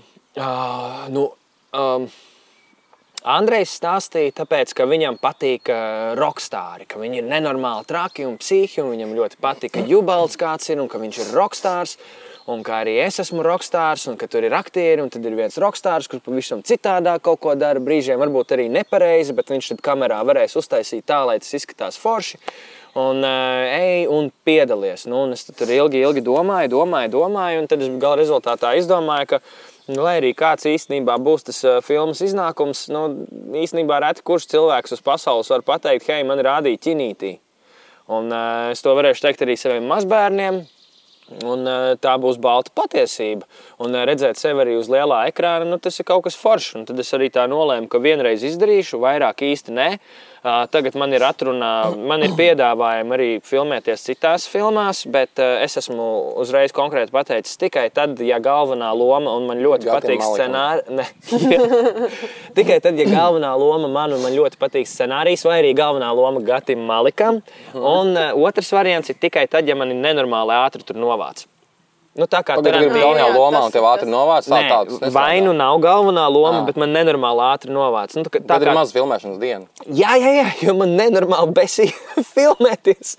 no, no četriem pa dienu līdz četriem rītā. Kāds sakars? Nu, ir jau filmas, kur sāk no rīta līdz vakaram filmē. Nu, bet, nu, ja tev tur jāfilmē kaut kādas ainas, jāpielāgo uh, gada laikam, laikapstākļiem, nu, citos gada laikos un laikapstākļos, nu, tad, tad tur vergo un mokies. Un tā, tā nīša. Tas ir darbs, Ralf. Tas Jā, ir darbs. tāpēc es izvēlējos citu darbu, iemācīties dziedāt. bet, tev tur, bet tev bija jāliec Daugavā. Nē, nē, nē, nē. Kas lec Daugavā? Mums bija kaskadieris. Aha, redzēs. Nu, Elga Daugavā? Pasties, viņš ir bijis tas, tevī. viņš ir bijis tas aktieris, kuram ir kaskadieris. Man bija jāliec Daugavā ziemas laikā. Labrīt. Sniegs nebija, bet bija jāliec Jā, ziemas bet... laikā. Un paldies uh, Zandai. Uh, kurā sarunāja, nes tā kā rausties, nezināju, nu, zin kā jauniņais nonācis kino. Nu, nē, nu, vai ir pieklājīgi pateikt, nē, tu esi dziedātājs, un es nokārtošu, ka tu drīkst savus balss aicis sačkarēt. Viss, oh, paldies viņai, ka viņa dabūja kaskadieru. Viņai nevari pateikt, mīļā Zanda, es esmu nokritis pa palādījumu skatu vēl līdz lejai, salauzis pirkstu un asaskalu ielikt Daugavā īzī. Jā, bet tas man nedot bronhītu, nokrist pa trepēm. Saprotu, Saprot, ka aktieru profesija ir ziedošanās. Nu, protams, un tāpēc arī es neesmu aktieris. yes, yes, tas ir tas, ko es gribēju dzirdēt. Paldies! Tev. Tāpēc, kā uh, Ralfs Rēniks, ne, uh, Lauris Rēniks, uh, tas mums tāds ir ongoing inside joke. Lauris Rēniks. Uh, nu, nu, domā, ko tu teiksi, viņš man čoms. Es, es tāpēc es te iepauzēju. Uh, Viņš ir izgājis aktieru kursus kaut kur, eh, ja nemaldos, Losandželosā. Jā. Un tāpēc nu, mēs, kā aktieri, kuri vienmēr uztraucās par savu kaut kādu statusu, un vai mums kāds neatņems darbu, un, un vai viss būs labi, mēs ļoti uzmanīgi raugāmies uz jebkuru, kurš saka, ka viņš ir aktieris. Piemēram, eh, uz Evelīnu Pārkeri, kas saka, ka ir aktrise, vai uz eh, Lauru Reini, kurš saka, ka ir aktieris. Es nevērtēju pašlaik viņa sniegumu, bet, bet viņš jau saka, ka viņš ir aktieris. Nu, īsti, man liekas, pat viņš nesaka. Varbūt vairs nesaka. Viņš ir ne, zinu, konkrētiem tie... projektiem, jā, viņš ir es zinu, viņam ir aģents. pieteikts. Okay. Jā, bet saprot, jūs jau turpiniet skatīties ar savu piesardzību, turpiniet skatīties. Rezultāts ir tāds, ka man blēžos bija vienīgajiem menedžments, pie, pieļauju, ka Jubaltam vienīgajiem menedžments bija uh, Svingeros. Jūs ko, te... ko tu domā, menedžm... ko tu domā ar menedžmentu? Tā, ka pārstāvis, kurš kārto lietas, un mēs tikai ierodamies uz laukumu un darām savu stafiņu. Un, jūs tur, turpiniet, un jūs tur turpiniet raudzīties, un tad apvainojieties, ka kāds Lauris ir atnācis, ka kāda Evi, Evelīna ir atnākusi. Bet jums tā aktieru vide Nu, es teiktu, ka viņš rūkst. Mēs apvainojamies, ka nepaņem mūsu, ka paņem Lauru. Tāpēc varbūt arī beidziet skatīties, sakārtojiet beidzot savu vidi, tiekiet uh, sev Nē. pie normāliem pārstāvjiem, Nē, aģentiem, menedžeriem. Uh, tad būs un... jāsāk tiešām praktiski strādāt. un, un beidziet skatīties. Nu, un, Daudz vienkāršāk ir uh, padusmoties uz Lauru Reiniku. Nu, bet tas ir vienkārši, protams, viss ir vienkārši. Tāpat tās arī daudz vienkāršāk ir uh, tagad. Uh, īstiem, normāliem bokseriem tagad apvainoties uz to, ka šis YouTuberis tagad dos taurē. Jau otram, abi divi brāļi. Abi divi brāļi dos taurē tagad vēl, vēl kādam. Bet nu, tāds tas laikmets ir, tā tas notiek un vienkārši vai nu dzīvojiet tam līdzi un paši attīstieties. Ja tu esi pat esmu aktieriem pīpētavā teicis, jums vajag pārstāvi, jums vajag savu vidi normāli sakārtot. Nevis katru reizi, kad es ierodos mūziķu backstage, mēs runājam par to, oh, cik forši, kā mēs varam vēl kaut ko izdarīt. Un tad, kad ieeju tajā aktieru pīpētavā, jau diviem, trijiem naktī tur tāds manāms sagurums. Un, "Ā, bet viņš, viņš tur man Aktieri vairāk dara vienkārši. Pie, kā tad? Sveicināti! Viņš man tur pielīda priekšā un vēl kaut ko. Nu, tss, jā. Tu zini, cik, cik nu, pielīst priekšā aktierim ir sāpīgs moments. kad Kāds pielīst priekšā gaismai, piemēram. Es zinu, es saprotu. Tāpēc, Tas ir, es, Tas ir tā kā tas atņemt tev mikrofonu. tāpēc arī es. Bēkvokālists paņem tavu mikrofonu. Tāpēc arī es esmu izrādē ar Kasparu Breidaku, jo improvizācijas pamatprincips ir tas, ka tu esi tik krūts, cik krūts ir tavs partneris un cik viņš tevi forši Tas izvēlē. tas ir arī teātrī. Tas ir, tu vari nospēlēt tikai ar partneri visu. Jā, nu pasaki to Artusam. Suņu būdā viņš uz šito neaizgāja. Bet, starp citu, piemēram, uh, Vecene un uh, mirušās dvēseles man viņš ļoti patika. Jā. Nē, viņš jau labs aktieris ir. Bija. Ir. Jā, bet par blēžiem noslēdzot, nu, forši. Man, man, man, man patika tā pieredze. Ā, Man ir prieks, ka ē- ēķim ā, patīk Leņņģerāda, un līdz ar to viņš man atļāva arī diezgan līdzīgu uncā, uncā, un papā, un papā dziesmu iedot uh, filmai. Un, un pēc tam mēs esam labās attiecībās šobrīd, ka viņš var man uzzvanīt un pa, paprasīt, hei, Ralf, vai tu nevari izlīdzēt. Un es viņam uzzvanīju un paprasīju, hei, vai es drīkstu Sinevillā vienkārši nedēļu padzīvot ar grupu un parakstīt dziesmas albumam. Tā skaitā pam, pam, pam, pam, pam miers. Uh, viņš teica, jā, šaņem, rekur tev ir atslēgas, galvenais neko nesaplēs. Galvenais uzsācis albumu. Jā, albums būs. Par šo runājot, tu pieminēji Leņņģerādu. Šnurs, man liekas, ir vienkārši izcils eh, producents. Cik liela nozīme ir producentam, nu, teiksim, tavā karjerā? Di muzikāliem tam tā teikt, Nu, kurš tevi uzbūvē, sataisa? Un... uzbūvēs Vai tu sataisa, pats sevi tas uzbūvē vai ir- sataisi? Neredz, mums Latvijā ir grūti tā. Mums ir eh, dziesmām producenti, ka, piemēram, atnāku es ar ā, meldiņu, un tad producents saliek tur ā, to visu pārējo. Oranžīgi, kā bungas skanēs, cik tur balsis būs bekokālā un visu pārējo. Kaut kādus sintiņus, vēl kaut ko tur saliek. Bet uh, es to parasti daru kopā ar savu grupu. Es pats arī producēju šinī, ši, šajos darbos, kas arī būs mans uh, solo albums. Klāt mums nāk vēl kā papildus producents, uh, galvenais producents DJs Monsta. Bet tāds, ka uzbūvē tevi sataisa un tā tālāk, un tā joprojām ir, ir arī mākslinieki Latvijā, kuriem ir līgumi ar kompānijām, Baltijas dažādām. Bet ā, nu, tā jau mēs pa- paši, nu, man- manā, manā dzīvē ir tā, ka es pats tur muzikāli un radoši visu domāju, ko varētu izdarīt. Un uh, tad uh, nododu to savai komandai un saku, man ideja ir šāda. Uh, es tā kā iešu savā studijā ar džekiem, vai tas ir breidaks, vai, vai, vai tie ir mūziķi, vai kādu citu dāmu kaut ko prātot. Uh, bet nu, tas varētu būt gatavs tad, nu, sāciet tur bukot zāles, domāt par vizuālo noformējumu. Protams, to ik pa laikam skatos un apstiprinu, un tā tālāk, un tā joprojām. Bet tad reāli idejas vienmēr nāk vairāk no tevis, vai arī tas Jā. ir bijis tā, ka bet, eh, tas ir, nu kā, bet tu, tu vadies vairāk pēc kaut kādiem saviem iekšējiem procesiem, vai tu arī drusku tā kā čeko kaut kādu to, nu, tirgu un kas tad te notiek. Nu, mēs tomēr dzīvojam mazā valstī, Tas pareizi. varētu aiziet, varētu neaiziet. Jā. Es vados pēc tām idejām, to, kas man pašam patīk. Es, ne, es nedziedu mūziku, kāda man nepatīk. Tad, tad būtu citi producenti Latvijā, pie kuriem es varētu iet un vienkārši teikt, saraksti man dziesmu. Man tā kā negribās tādēļ, ka tādu mūziku es pats ikdienā nepatērēju. Nu, ja es to neklausos, kāpēc man tas būtu jādzied? Un tad es negribu nonākt tādā pretrunā ar, ar sevi. Jā, bet ir arī mākslinieki Latvijā, nu, kuri, piemēram, daudz vairāk ā, popmūziķi kā es, kuri, kuri vai nu atnāk ar vienkārši melodiņu, vai nu neatnāk ne ar ko, un tad viņiem viss sataisa. Tie modeļi ir ļoti dažādi. Jā, es varu par savējo pateikt. Bet, uh, tad, kad tu dari, nu, neesi tikai dziedātājs, tu dari visu kaut ko apkārt. Tu vienā brīdī biji Baltikā, tad tas Eiropas gada cilvēks, un, un, un tad izrādes un tā. Tev nepietiek, vai, vai arī mūzikas tirgus nav gan plašs. Nu, ja, teiksim, ja mēs dzīvotu kaut kādā, nezinu, Zviedrijā, droši vien varētu iztikt tikai ar mūziku, darīt tikai mūziku, vai, vai Es domāju, ka Zviedrijā viņš darītu vēl vairāk. Nezinu, kāpēc man tādā Man patīk tas Čēlniņš Gambino modelis, uh, ko es teicu. Viņš ir džeks, stand-up komiķis, aktie, aktieris, mūziķis.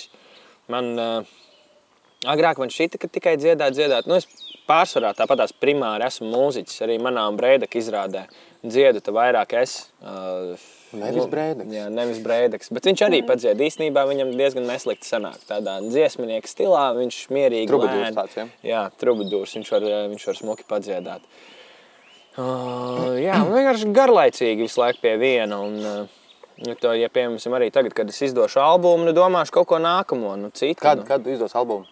Nu, es ceru ļoti, ļoti, ļoti uz rudeni, ziemu to izdarīt. Jo mums jau ir saplānota vasara un rudens singlos un mūzikas video, un tad atliek vienkārši to dot ārā un iepakot beigās un izdot ārā. Godīgi sakot, gribējās jau pirms pandēmijas. Nu, Tad, kad sākās pandēmija, gribējās aptuveni tādu, bet uh, pandēmija visu baigi iestupēja. Klipi runājot par klipiem. Ķesteris pats tev piezīmēja, teica, es gribu dejot tavā klipā, vai tu izdomāji, es gribu, lai ķesteris dejo manā klipā. Nē, es sanācu kopā ar tāds Mārtiņš Jurevits, Režisors. režisors, operators arī.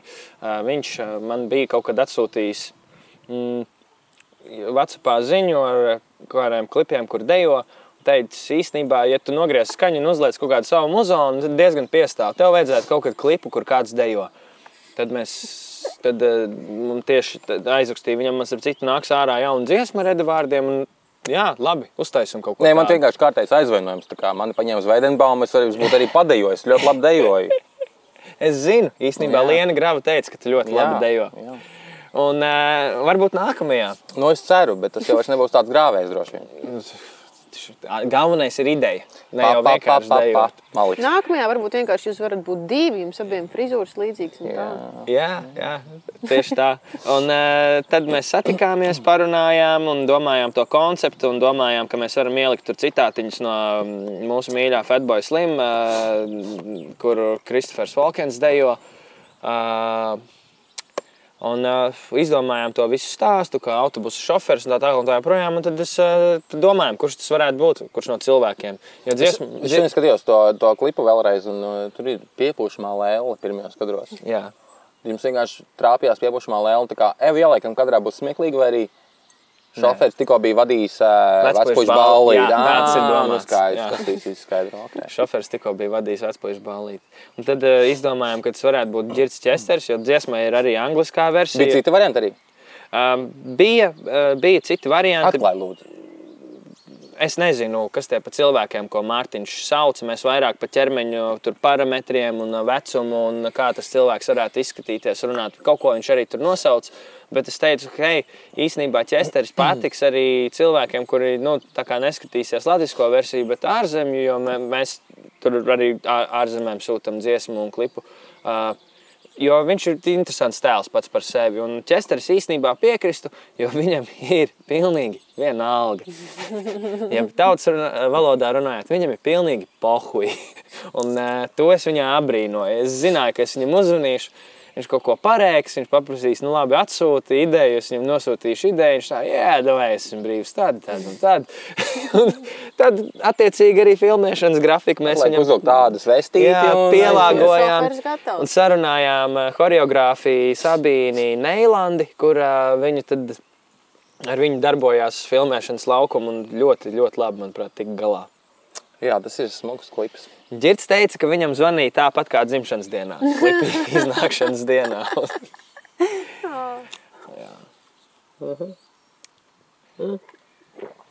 Nu, apmēram par tevi skaidrs. Vēl kādam kaut kas? Kas ir, eh, tagad eh, es vēlētos uzzināt šo to par jums. Kas ir eh, pēdējā neraksturīgā lieta jums, ko jūs izdarījāt? Gati, sāksim ar tevi. Kas tev neraksturīgs? Pēdējais tev neraksturīgais, ko tu izdarīji? Es varu tikai raksturīgas lietas, principā. Man ir pat grūti atcerēties, ko es esmu neraksturīgi izdarījis. Mm, Nē, nē, basic, basic varianti visu laiku ir. Es, uh, mm, nē, nā, nu, varbūt rasu. Nē, nu, man kaut kā šogad laikam neraksturīgās lietas ir saistītas ar to, ka pirmais gads, kad man reāli gribas savā dārzā stādīt visu kaut ko, kurš tas vecums tas ir, vecums. ir klāt, jā, viss. Nu, bet man pirmo reizi tas vecums ir šis. Bet man arī. Bet man šķiet, ka tā ir arī pat vairāk pandēmija. Arī, jā, jā. kaut ko bāc, un es tur ieraugu, man tur aug kaut kas tik forši, tik jauki. Tā viena lieta, nu otra lieta, kas man tagad arī brīvprātīgi piespiedu kārtā. Uh, nu, Rudolfs, mans dēls, ir izdomājis jaunu sporta veidu, kas notiek Batutā. Un starp diviem stabiem un uh, ar bīstami. volejbola bumbu, bet uh, noteikumi līdzīgi kā futbolā, bet viņš to sauc par hokeju. Un man jābūt vārtiem ir parasti. Tanga. Tā kā tas. Un Sofija jā, ir karsē meitene. Viņa skrien visu laiku cauri. Ah, Tādā ziņā droši vien neraksturīgi, ka man ir pēcnācējs. Ja, ja mēs runājam par gada griezumā, tas ir diezgan neraksturīgi man, manuprāt. Jo līdz šim man nav bijis pēcnācēji, un tagad man ir. tad Tā. Ka, jā, labi. Tālāk, kad ir pēdējā, kad ir pēdējā reize, kad nevis samilojāt, bet samānījāties s- savām otrajām pusītēm, savai ģimenei, saviem vecākiem? Un vai jūs varat atklāt, kas tas bija?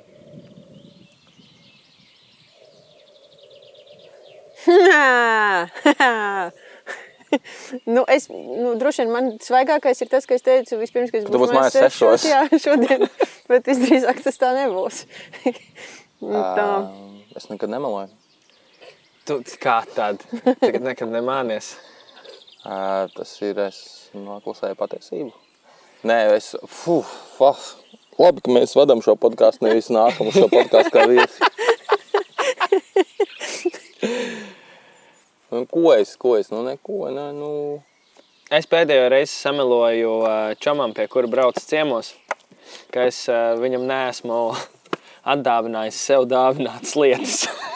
Oh, stik lēži kaut kādi. Viss kaut kas. Bet viņš saprata. Es tāpēc arī tā teicu. Viņš tāpēc arī Tu arī, saprata. starp citu, man uzdāvināja pirms kaut kādiem pāris gadiem kaut kādu Galda Aleks- spēli. Nē, galda spēle, nē, Aleks tā spēle. spēle bija brīnišķīga. Tā spēle lieliski. Nu, tā ir sena uh, dramaturga spēle. Jā. Black Stories. Bet tu man uzdāvināji kaut kādu no AliExpress pasūtītu pulksteni. Bet es tev to tā arī pateicu, ka tas ir gudrais pulkstenis no AliExpress. Man viņu nevajag. Viņš nebija baigi gudrais. Viņš bija diezgan stulbs. Viņš Viņu uzdāvināju tālāk. Viņš maksāja 6 eiro. 6 eiro. Es nedotu 6 eiro par to pulksteni. Tas bija 2 eiro pulkstenis. Nu, Gati, nu nebūs Viņš, nekas. tas pulkstenis skaitīja soļus, bet tikai līdz brīdim, kad atkal jālādē. Un tad no nulles.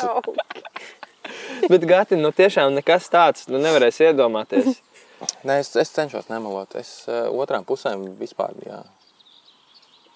Kaut gan jau pateici, nu, mē- mēs te nezinu, nedzersim. Tu.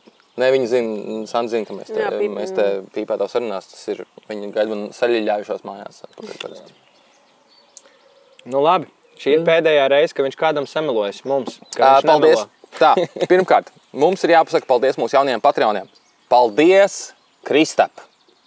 Kaut kāda jingliņa atrod Kristapam. Pam, pam, pam, pam, pam. Kristaps. Uh, paldies! Uh, mēs esam nolēmuši, ka, uh, lai uzkruķītu to Patreon lietu, mēs uh, droši vien izspēlēsim kādu no mūsu marketinga di- direktora Rūta pašlaik skatās uh, skeptiski, bet mēs sāksim izspēlēt Patreoniem. uh, biļetes ko labu. Uz izrādēm, jā, uh, un vai uz Liepājas teātra koncertiem, Akācija Palaks vai Latvijas stundā. vai Latvijas stundā.